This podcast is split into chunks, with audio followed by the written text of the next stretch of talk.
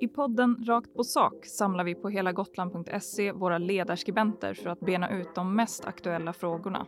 Vill du höra analyser och gå djupare in på det som påverkar gotlänningarnas vardag har du kommit helt rätt. Välkommen till podcasten Rakt på sak med Eva Bofride, Mats Linder och Erik Fransson. Och mig, Cecilia Thomsson.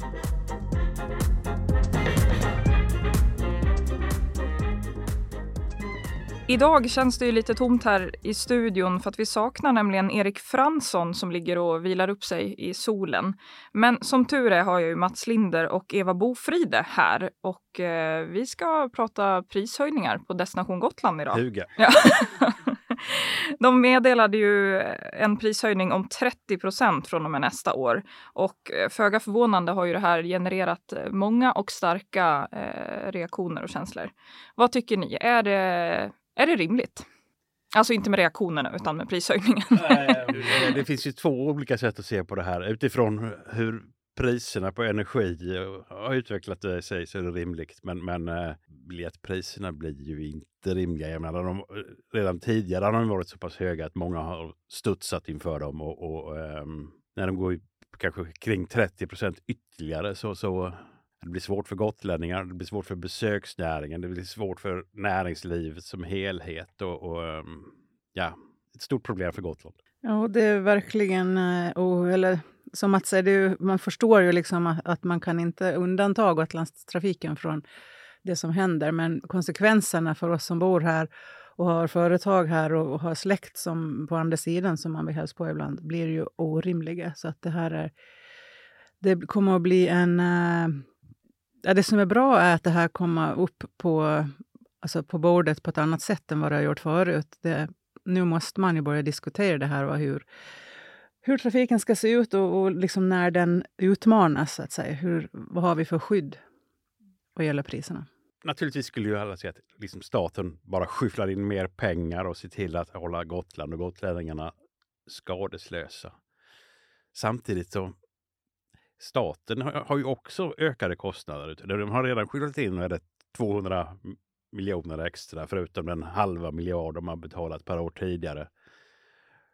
Och nu blir det väl ännu dyrare.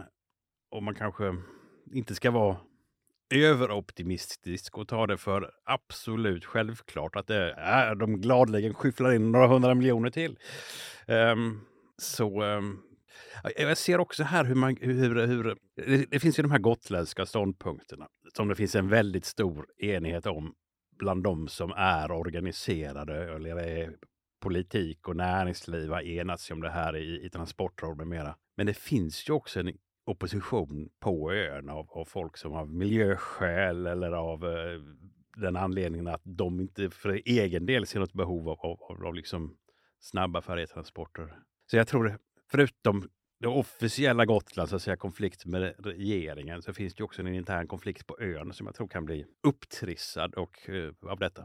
Region eh, Gotlands uh, önskan eller lösning, eller vad man ska kalla det, är ju ökad kompensation från staten. Vad om inte staten betalar, vem ska göra det då? Jag tänker lite det du var inne på Mats, att man kan inte ta det för givet att mm. de öser in mer pengar. Det kommer ju utläsa någonting. Det kan, resandet kan falla dramatiskt, vilket vore väldigt illa. Det kan utlösa folkliga reaktioner. Det kan också, man kan ju också tänka sig att det på nytt kan uppstå en, liksom en konkurrerande trafik som drivs enligt ett annat koncept, möjligen. Um, jag vet inte. Comeback för Pigga. Mm, det, det, är ju inte bara att starta. Det märkte vi ju när eh, de startade Gotlandsbåten som ju var väldigt eh, vällovligt och eh, otroligt tråkigt att det inte gick att få långsiktighet i det faktiskt. Men eh, det här med vem som ska betala, jag tror vi också hamnar där vid någon sorts eh, vägskäl, precis som Mats är inne på, där vad vi, vad vi kan kräva för trafik och vad, till vilket pris. Liksom. Samtidigt så måste man, måste man faktiskt också räkna in allt som ingår i alla andra delar av Sverige men som inte är eh, relevanta för Gotland med investeringar i motorleder eh, och förbifarter och tunnlar och viadukter och allt vad det är som kostar miljarders miljarder. Alltså bara för att vi inte har den, eh, den eh, behovet så har vi ju ett behov av något annat och det måste ju också få kosta. Så det här är ju ingen enkel fråga på något sätt och vis. Och att köra saktare är ju eh, ett, ett alternativ, men då har vi också en helt annan... Eh, eh det påverkar ju allting på Gotland eftersom vi idag är allting är uppbyggt efter dagens trafiksystem så kommer ju allt annat att påverkas också. Och det här blir ju liksom en eh, sten som rullar som vi inte riktigt, tror jag, kan förutse hur det kommer att påverka. Jag skulle vilja hävda att Gotlandsbåtens koncept egentligen aldrig testades. För den ursprungliga idén var att man skulle köra båtar eh, långsammare och billigt. Men så hittade man liksom bara en snabb färja så ja, då testar vi det istället. Um, så um, jag tycker det egentligen aldrig det testades. Åkte ni med den? Nej. Ja. Du gjorde det? Jag åkte första turen. Jaha. Var turist i Västervik. Åkte du den turen bara för att åka? Eller? Nej, det var ju, den gick ju till midsommar. Och det mm. året så var, eh, hade vi inga planer. Vad ska vi göra i midsommar? Ingen aning. Ja, men då kan vi åka till Västervik, för det var roligt. Så var det. Så det var ren nöjesresa. Var det en behaglig överfart? Ja, det gick ju snabbt. Det var ju jättesmidigt på alla sätt och vis.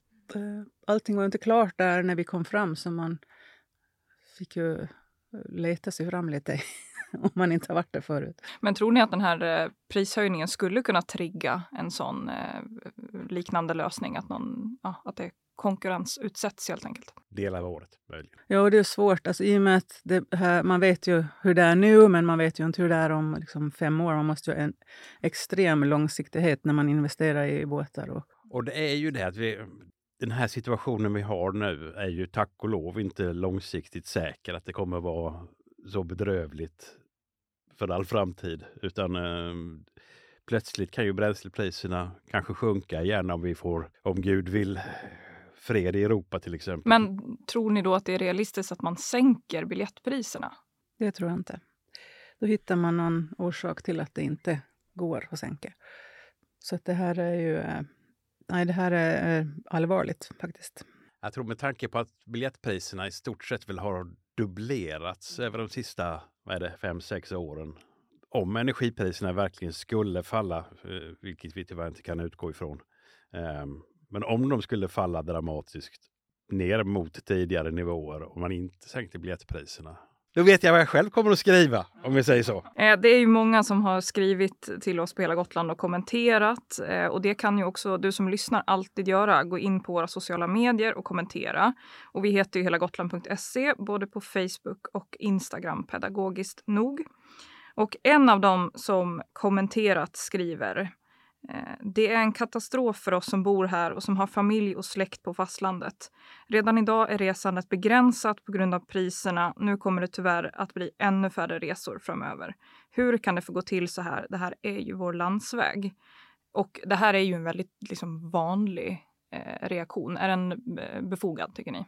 Absolut. Alltså det är inte bara eh, de som bor på andra sidan som ska besöka släkt här, utan även släkt som har Gotlandsrabatt och allting. Det blir ju dyrt alltså, om man ska ha bilen med sig och köra en bit och ha eh, några barn och, och sådär. Så det, är, eh, det här är ju någonting som påverkar liksom hela spektrat från det mest privata till det högst offentliga. Om vi ska prata lite påverkan på eh, turism och besöksnäring och sådär. Vad tror ni det här kan få för eh, effekter om ni ska titta in i den där spåkulan igen? Det finns väl delar av, av den här besöksnäringen som vänder sig till eh, en kundkrets som inte är det minsta priskänslig och som kanske i hög utsträckning väljer att flyga idag. Men eh, besöksnäringen är ju betydligt större än så och, och, och ehm, för delar av den kommer det bli väldigt problematiskt om, om ehm, det blir påtagligt dyrare att ta en färja till Gotland än att ja, chartersemestra vid Medelhavet till exempel. Jag tror också bara signalen nu eh, gör, för det är ju snart som folk sätter sig och börjar boka liksom sin sommar, så att det här kommer ju, tror jag, påverka väldigt mycket. Det jag tänker är, eh, om jag ska tycka någonting, eh, när man, de som har sommarhus eh, på Gotland kanske fortsatt kommer åka för att man, ja, då är man här så pass länge. Men jag kan tänka att de här helgresorna eller liksom veckoresandet minskar. Om det blir så som du säger Mats, att det kanske till och med blir billigare att åka till Medelhavet. Vad, vad tror ni? Absolut, det tror jag.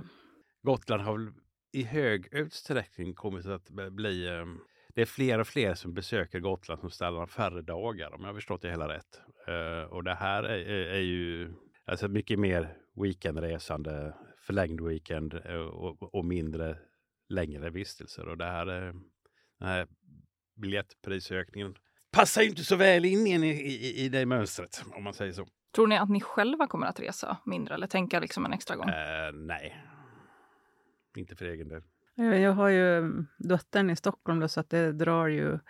Det väger liksom tyngre än vad det kostar faktiskt för, för min del. Jag åker inte, jätte, jag åker inte varje helg eller så, där, så att det blir nog ingen förändring. Eh, och en del i den här förändringen är ju nu att eh, gotlänningar också kommer få någon slags differentierad eh, taxa. Att de, gissar jag, attraktiva avgångarna kommer bli lite dyrare. Och de mindre attraktiva avgångarna kan man om man inte vill lägga allt för mycket pengar kan man välja en sån. Vad, vad, vad tänker ni om det? Så, så kan man ju planera om man ska åka på semester eller göra något annat. Men för vår, eh, alltså, vårt behov av att ta oss till fastlandet så ska inte vi behöva åka klockan två på natten om man ska kanske ha något jobb på nästa dag. Eller så här. Det är orimligt tycker jag att vi ska behöva det blir ju att man åker på tider där ingen annan vill åka och så ska det inte behöva vara, tycker jag i alla fall. Ja, jag har vid några tillfällen tagit de här, en sån här där man liksom anländer vid fyra på morgonen till Oskarshamn. och Ska sätta sig i bilen och köra 10, 20 eller 30 mil mitt i natten. Det är, ingen, det är inte trevligt och inte speciellt trafiksäkert heller tycker jag. En ganska vanlig resa för oss gotlänningar är väl den här klassiska att man åker över helgen, alltså eftermiddagsfärjan på fredag och sen tillbaka på, på söndagen. Eh, spontant kan man ju gissa att det är de som kommer bli då extra dyra, de turerna också. Gissningsvis, ja. Jag tycker ett problem också är att vi inte har eh, man får ju hoppas att eh, Trafikverket och staten har insyn i det här, men vi har ju ingen insyn i det här avtalet. Vi kan inte kolla liksom att det här är verkligen så, att man har verkligen så höga kostnader som man vill ha täckning för. Och, och eh, det tycker jag är ett eh, problem som man måste ta, tänka på in, inför nästa upphandling som ju pågår. Och det har ju redan tidigare funnits signaler om att den här upphandlingen kanske inte blir av en typ som Region Gotland och, och det gotländska trafikrådet vill. Eh, och det finns väl hög risk för att, att liksom säga, staten agerar mer i enlighet med, med, med som eh, Trafikverket har varit inne på. Ja, det, det, kan ju, det har ju aktualiserats både enhamnsalternativ och statliga färjor till exempel. Ja, det, allt det är ju en extrem standardsänkning så att det är ju eh, Ja, vi står inför en svåra frågor. Alltså. Det är inte... Och sen är det här Gotlands, eh, de här gotländska ståndpunkterna är ju inte bara liksom någon, eh, några ska man säga, politiker eller företagare, utan de företräder ju också eh, som hel, alltså företräder verkligen Gotland. Idrottsrörelsen och så vidare. Så, det, mm. så att det, är, ja, det är svårt. Vi får se hur det här slår. Det lär vi ju bli varse om, tänker jag. Eh, vi sätter väl punkt för dagens avsnitt och eh, nästa vecka är vi tillbaka då med Erik Fransson. Solbränd, utvilad, glad. Kanske. Vi får se. Har du missat tidigare avsnitt av Rakt på sak så hittar ni dem på helagotland.se under poddar och program. Och vi säger tack och hej!